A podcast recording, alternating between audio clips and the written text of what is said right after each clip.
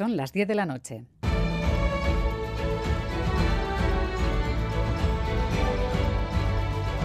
Radio Euskadi y Radio Vitoria. Servicios informativos. Repasamos los titulares de la jornada con John Fernández Mur, Gabón. Gabón, Miriam, noticias de este martes 30 de enero en el que comenzamos mirando al Congreso. Junts ha rechazado la ley de amnistía obligando al PSOE a seguir negociando. Tras rechazarse sus enmiendas, los diputados del partido de Puigdemont han votado en contra del conjunto de la ley, por lo que el texto no entra en vigor. La norma será devuelta a la Comisión de Justicia que tendrá que negociar un nuevo texto en un mes. Para Junts, el actual sirve de punto de partida. Miriam Nogueras.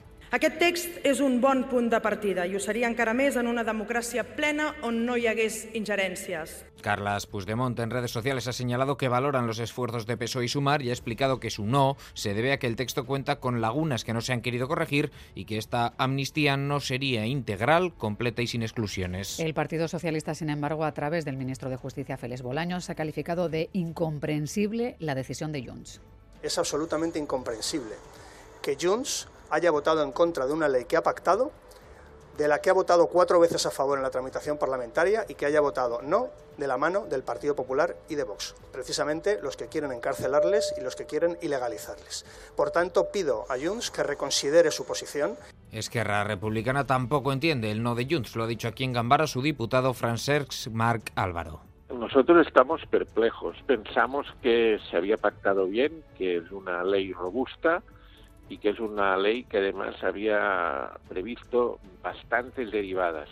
Evidentemente no existe una ley perfecta. Y en el mismo sentido se han manifestado PNV y EH Bildu que han votado a favor del texto. Con la precampaña vasca lanzada, Eneco Anduez ha deslizado que ve plausible un acuerdo entre el PNV y Euskal Herria Bildu. Declaraciones del secretario general del PSE aquí en Boulevard de Radio Euskadi.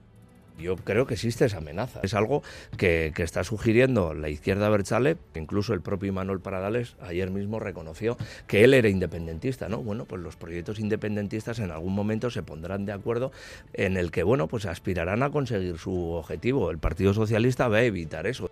Entre tanto, el candidato de H. Bildu al Endacari, Ochandiano, ha reclamado en un foro económico abandonar la autocomplacencia y fijar un nuevo modelo de desarrollo. Rechaza lecturas catastrofistas, pero cree que la etapa Urcuyu se ha caracterizado por la inercia y el seguidismo. Ha abogado Ochandiano por volver al liderazgo público en la política económica. En el pasado hemos tenido políticas ejemplares en ese sentido. ¿no? Yo creo que es un poco recuperar esa ambición y esa eh, capacidad de liderazgo que ha tenido este país desde lo público. Por su parte, el candidato popular, Javier de Andrés, ha criticado la elección de Pradales como sustituto de Urcuyu por parte del PNV. Sustituir a un hombre con liderazgo, como es Urcuyu, por una persona desconocida de la confianza, no del partido, no de la sociedad vasca, sino de confianza de quienes dirigen el PNV. Nueva denuncia contra el osteópata acusado de delitos contra la libertad sexual en Tolosa. La Ertzaintza ha confirmado que una tercera mujer ha denunciado al responsable de esta consulta tras la interposición en enero de dos denuncias por tocamientos. Se sospecha que puede haber más víctimas y la Ertzaintza aconseja presentar denuncia a quien pudiera haber sido víctima de este hombre.